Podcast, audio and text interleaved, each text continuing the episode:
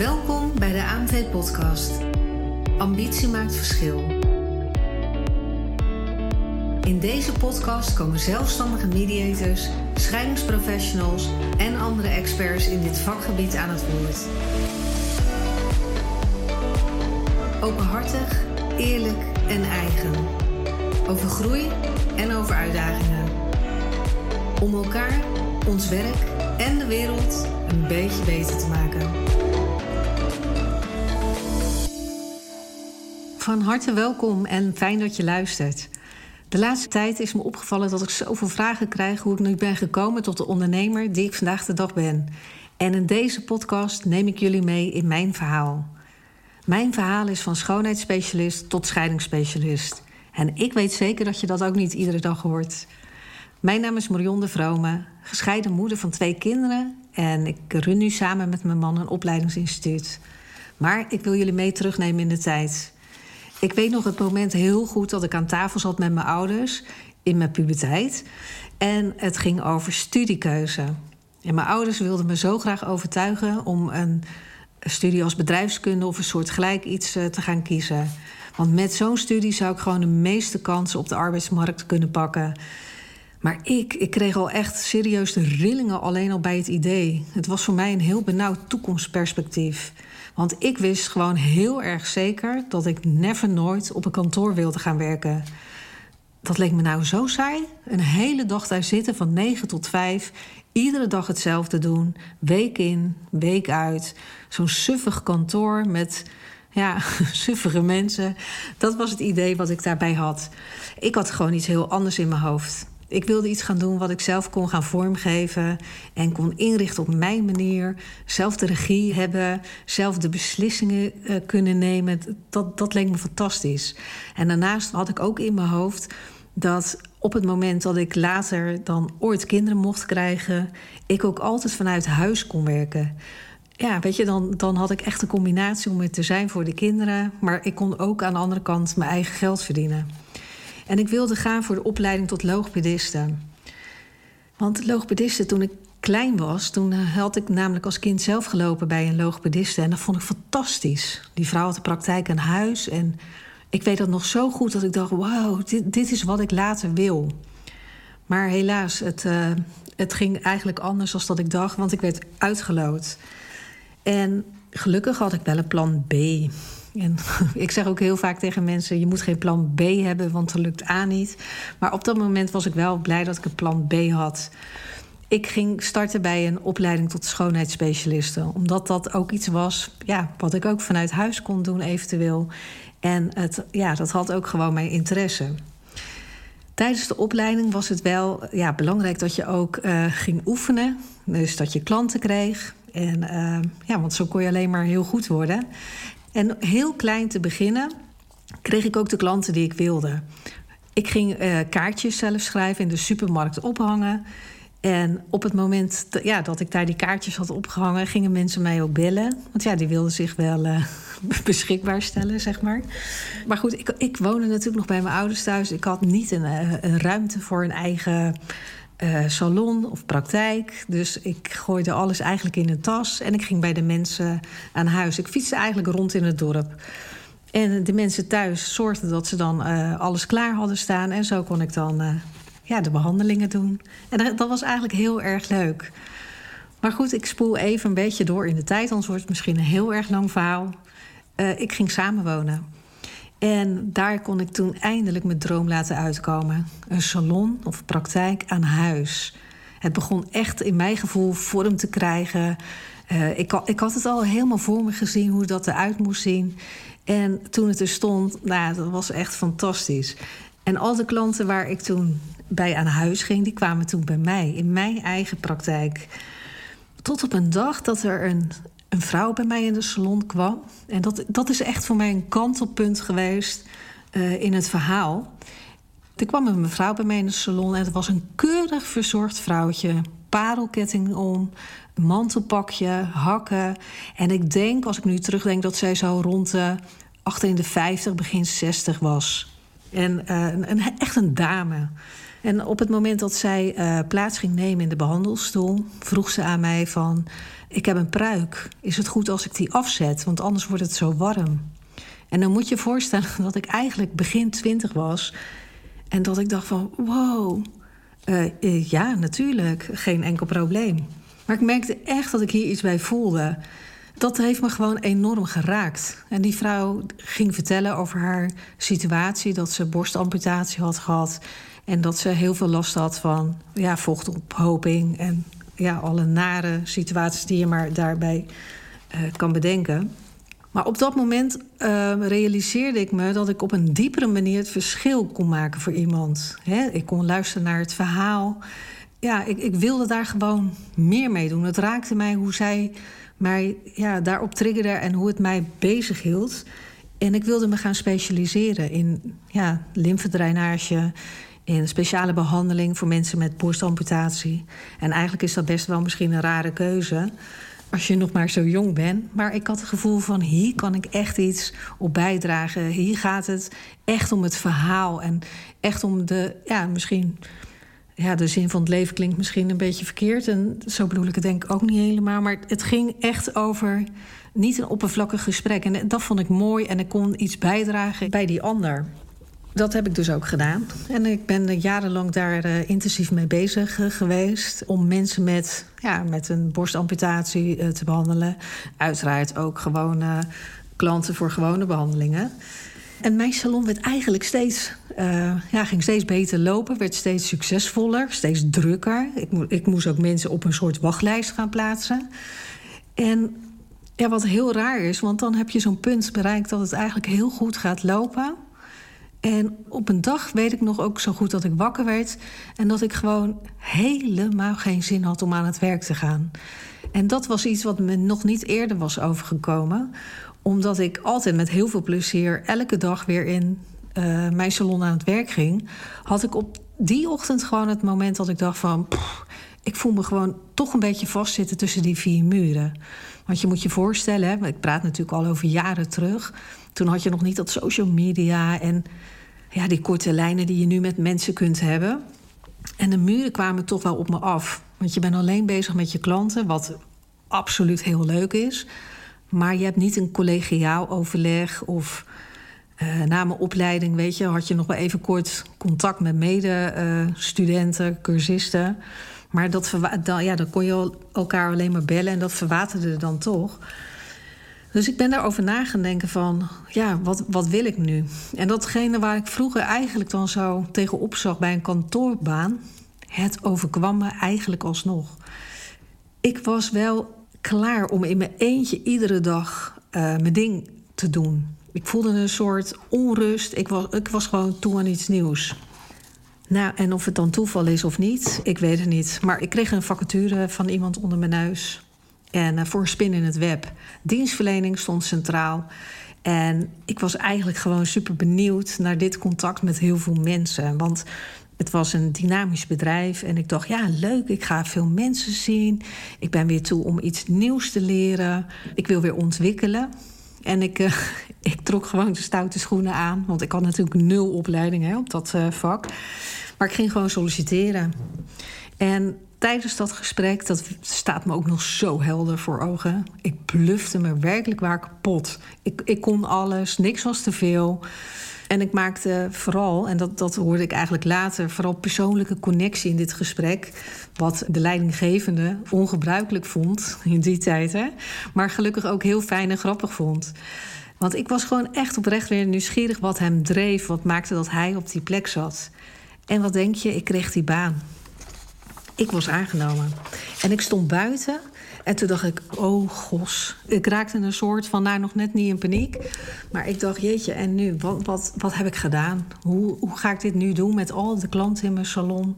Had ik gewoon weer veel te impulsief gehandeld? Nou ja, ik dacht, weet je, ik ga het gewoon doen. En is er niks, dan ga ik gewoon weer weg. Wat kan mij het eigenlijk schelen? Dus mijn klanten ben ik allemaal gaan verzetten naar de avonduren en naar de weekenden. Want ja, ik voelde wel, dit is ja, iets nieuws, weet je. Misschien herken je dat wel.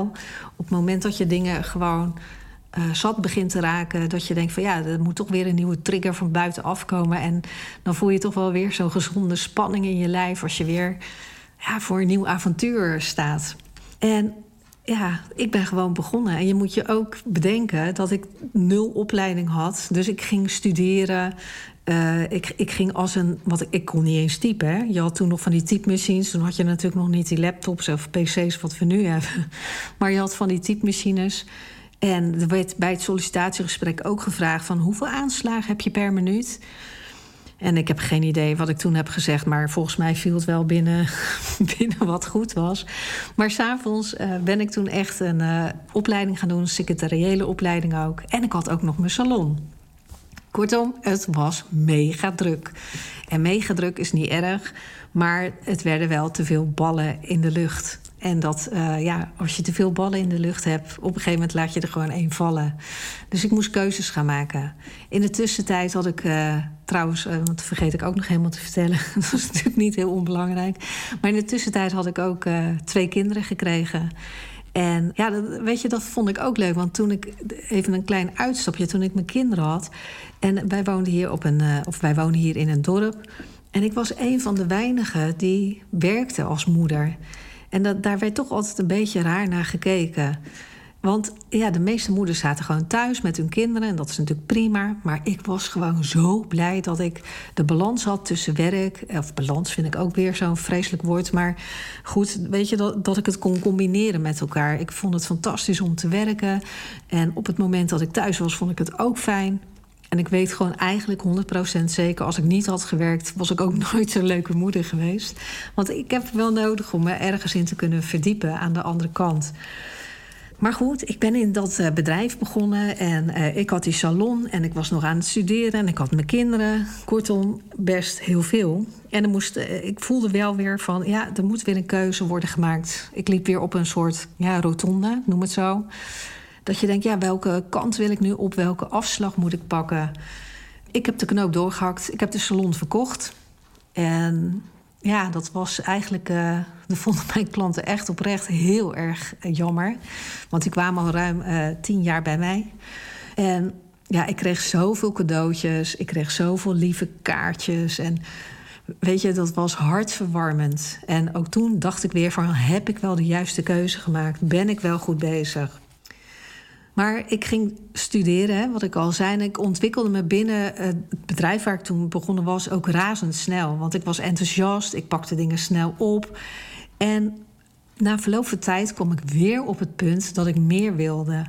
Bij een grotere organisatie kon ik toen aan de slag uh, op personeelszaken. Hè. Dat was destijds nog personeelszaken, tegenwoordig HR. En dat ja, vond ik ook weer leuk, want het was een heel groot bedrijf en daar kon ik mensen ook echt verder helpen. En vooral op personeelszaken vond ik het leuk dat mensen met hun gedoe, zeg maar, bij mij aan het bureau kwamen. Uh, of er was gedoe op de werkvloer, of ze hadden thuis iets, of weet je, zaten in de ziektewet. Nou, weet je, heel erg divers. Maar in die tijd dat ik daar werkte, ben ik zelf in een scheiding terechtgekomen.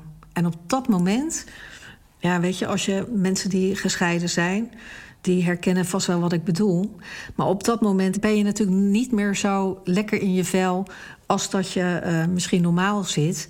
En ik kon die verhalen of de probleem van de anderen gewoon niet handelen. Ik had, ik had gewoon te veel aan mijn hoofd. En toen besloot ik voor mij van, ja, dat is ook niet helemaal de bedoeling van deze functie. Want wordt wel van mij verwacht dat ik hier met volle aandacht uh, in mijn werk zit. En als er iemand al met zo'n verhaal begon, dan dacht ik van... oh, val me niet lastig, ik heb zelf al zoveel in mijn hoofd. nou goed, dat, dat is natuurlijk ook zo, hè. Want ik ben in een scheiding uh, terechtgekomen, weet je... en dan gaat er ook heel veel gebeuren. Ik, ik wist niet waar ik, ik ging wonen. Uh, ik wist niet hoe het financieel ging. Ik had geen idee of ik me financieel wel uh, mezelf kon onderhouden. Want ik was ook wel parttime toen gaan werken... toen de kinderen nog klein waren. Ja, weet je, er komen zoveel obstakels eigenlijk ineens op je af. Dat je denkt van ja, hoe dan? Weet je, heel je fundering, heel je. Ja, de, de, de grond is onder je voeten weggeslagen. En dat vond ik wel lastig. Weet je, als er één ding gebeurt of je neemt zelf een keuze. Dan, dan is het allemaal nog prima te doen. Maar op een gegeven moment in een scheiding waren dat wel heel veel facetten. En ik startte op dat moment, uh, dat weet ik ook nog zo goed, dat ik op een punt ben gekomen dat ik dacht van, ja, maar wie ben ik nu eigenlijk? Wat wil ik nu eigenlijk? En ik, ik ben toen een hele zoektocht eigenlijk met mezelf uh, aangegaan om, om echt te ontdekken wat ik wilde. En als ik daar achteraf op terugkijk, is dat eigenlijk best wel grappig. Want in de jaren daarvoor dat ik dat niet deed, nam ik gewoon eigenlijk wel veel sneller een beslissing dan uh, op het punt dat ik dacht van ja, maar wie, wie ben ik nu en wat wil ik nu? Toen op dat moment bleef ik een beetje hangen, Om, omdat je dan, uh, ja, ik denk wat meer na gaat denken. En daardoor, als je te veel gaat nadenken, tenminste dat geldt bij mij zo, dan kom ik gewoon niet in de actiestand. Hè? Dan blijf ik maar in dat denkproces zitten. En iemand gaf mij toen aan van, goh, weet je wat jij uh, zou moeten doen? Je gaat een NLP-opleiding doen. Dat is zo leuk. En uh, ik had daar nog nooit van gehoord, dus ik ben dat gaan uitzoeken. En uh, nou, dat was heel leuk. En ik weet nog wel de eerste dag van de opleiding dat de trainer tegen ons zei van uh, realiseer je wel dat er mensen zijn die zo'n opleiding gaan doen. En dan overleeft hun relatie het niet. Toen dacht ik, nou, dat is mooi, want dat heb ik al niet meer. Dus dat, uh, dat was eigenlijk best wel, wel grappig. Want binnen mijn eigen scheiding heb ik gewoon een niet heel handig pad bewandeld.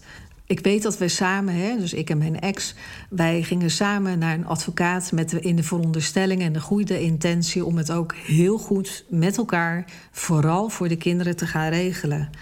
En tijdens het gesprek bij de advocaat belanden we in een ruzie. En ik merkte, uh, ja, we, kwamen daar gewoon niet meer uit. En ik weet nog heel goed het moment dat de advocaat toen zei van... ja, helaas, uh, ik kan u beide belang niet uh, dienen. Uh, dus een van u moet weg en uh, naar een ander kantoor, naar een andere advocaat. En dat was ik, want ik was de minst verdienende. Dus op dat moment gingen we ieder eigenlijk apart naar een advocaat. En daar is wel de juridische, ja, ik noem het altijd maar juridische achtbaan begonnen. Omdat je dan uit gesprek raakt, uh, of bent eigenlijk met elkaar. Omdat je denkt, ja, weet je, dat regelt die advocaat wel. Je hebt jezelf ook geen verstand van. Uh, je hebt te veel aan je hoofd. Alles staat losse schroeven. Weet je, dus laat maar, regel jij het maar, advocaat. En achteraf gezien, maar goed, dat is altijd achteraf, is dat natuurlijk eigenlijk een beetje iets wat A al helemaal niet bij mij past. Regie uit handen geven. Uh, maar wat je wel gebeurt. En op het moment dat je in een soort achtbaan zit en die draait, dan stap je er ook niet eventjes zomaar uit. Ik weet nog heel goed het moment dat wij uh, in de rechtszaak uh, zaten, in zo'n ja, zo, zo zaal. En daar zat onze advocaat bij. En hij is een rechter. En goed, ik vond een heel toneelstuk, net een poppenkast. En toen dacht ik van, ik zit hier echt serieus in een verkeerd toneelstuk. Maar goed, je zit daar wel. En het ging overal over. En ik voelde wel dat ik als uh, vrouw, als moeder, een beetje aan de winnende ja, hand was. Of weet je, dat, dat ik wat meer sympathie kreeg van de rechter. En op dat moment realiseerde ik me van wow, weet je, ik kan nu zeggen van joepie, ik ga winnen. Maar dat kan helemaal niet, want ik moet straks, we hebben kinderen en we moeten straks overleggen over zwemles. En hoe dan? Dus dat soort tussen haakjes winnen is een beetje zo'n zo'n kort moment wat heel erg door mijn hoofd flitste. En ik herinner me nog dat we toen de rechtszaak hebben stilgelegd. En dat ik met mijn ex-man op de gang uh, ja, we zijn toen gaan praten en ineens raakten wij weer in gesprek. En toen waren we er eigenlijk heel snel uit. Dat ik dacht, wow, we zijn zo ver van onszelf, van elkaar, afgeraakt door uh, stofwolken. Die zijn opgewaaid omdat je niet meer met elkaar in gesprek bent. En omdat je dan op dat moment ook best wel moe bent en labiel. En je dingen gewoon laat gebeuren. Een soort laat maar houding. Maar goed, dat is achteraf gezien kan ik dat heel erg goed terugleggen dat ik dat uh, heel erg niet goed vond. Maar dat was voor mij het signaal dat dit gewoon niet goed ging. En eigenlijk op dat moment merkte ik dat ik ja, voor mezelf moest gaan kiezen, mijn eigen regie heel erg moest pakken, uh, me niet afhankelijk wilde gaan opstellen van in dit geval dan van mijn ex-man. Uh, tot ik gewoon mijn, leven gewoon moest optuigen zoals ik dat wilde, zoals ik dat voorstond. En dat is best wel een zoektocht uh, geweest. Maar wat is nu eigenlijk de clue van dit verhaal? Want ik heb best natuurlijk als ondernemer heel veel paden bewandeld om te komen waar ik nu ben.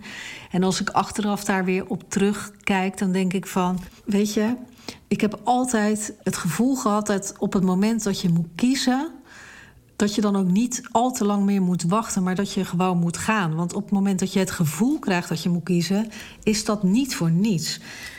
En er is altijd, en dat wil ik je eigenlijk ook meegeven, er is altijd meer mogelijk dat je denkt. Want weet je, als iemand ooit tegen mij had gezegd dat ik zou staan waar ik nu sta, had ik het gewoon nooit geloofd. Want ik heb een studie gedaan als schoonheidsspecialist. En dan het groeipad eigenlijk naar scheidingsspecialist. De onzichtbare barrières die ik heb weten te doorbreken. Als ik dat kan, dan kun jij dat ook. En blijf niet hangen, want ik weet je, ik ben nu 52 en ik vond vroeger altijd verschrikkelijk als iemand tegen me zei: "Oh, de tijd gaat zo snel en voordat je het weet zijn de kinderen het huis uit."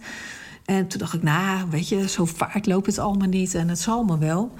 En nu, met de wetenschap die ik nu heb, en dat is altijd makkelijker hè, als je terug kan kijken, maar het is wel zoals het is. Want serieus, de tijd gaat ook heel erg snel.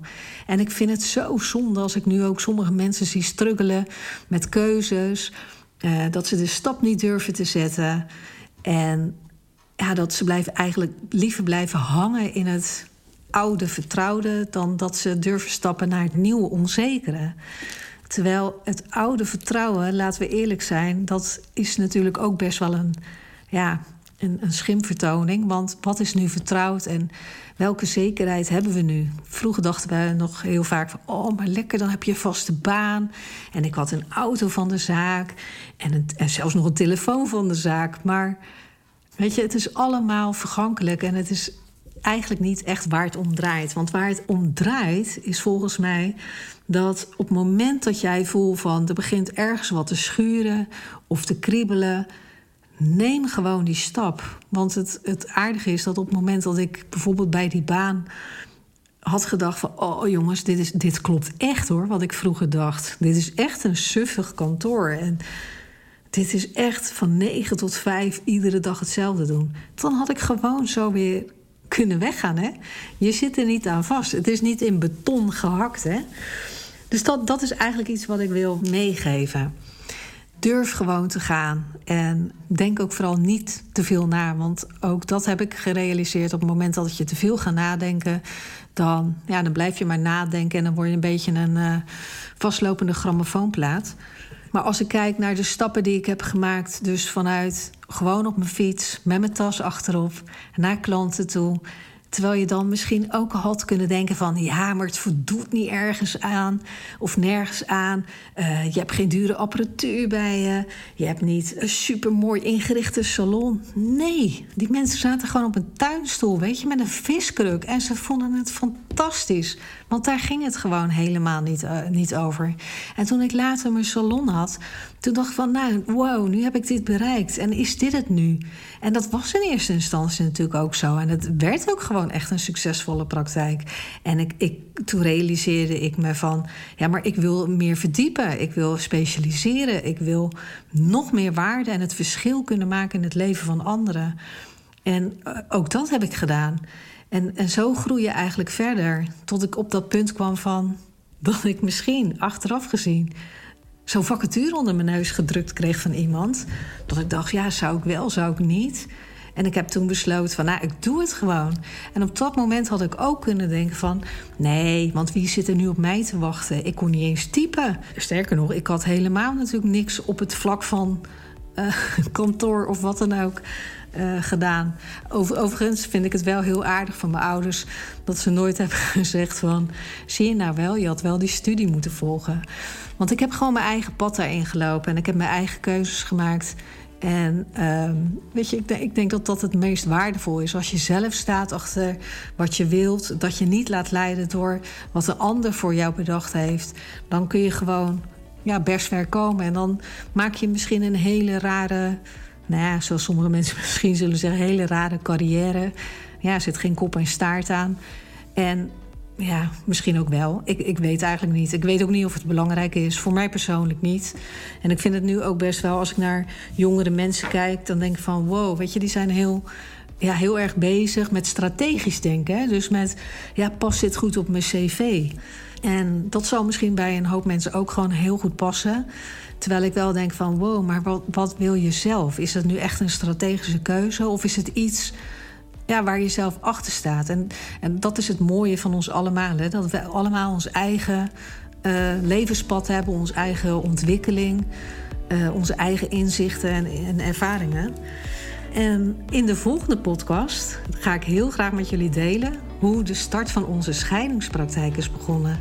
Want van het kantoorleven en na mijn eigen scheiding ben ik een scheidingspraktijk begonnen. En samen met mijn tweede man. Eh, we schreven ons in bij de KVK. We kochten een telefoon. Uh, we hadden een website. We hadden nog geen klanten. Maar toen. En dat ga ik heel graag met je delen in onze volgende podcast. Want ik denk nog steeds op het moment dat je die stappen maakt, dat kan alleen maar omdat ambitie het verschil maakt. Dankjewel voor het luisteren.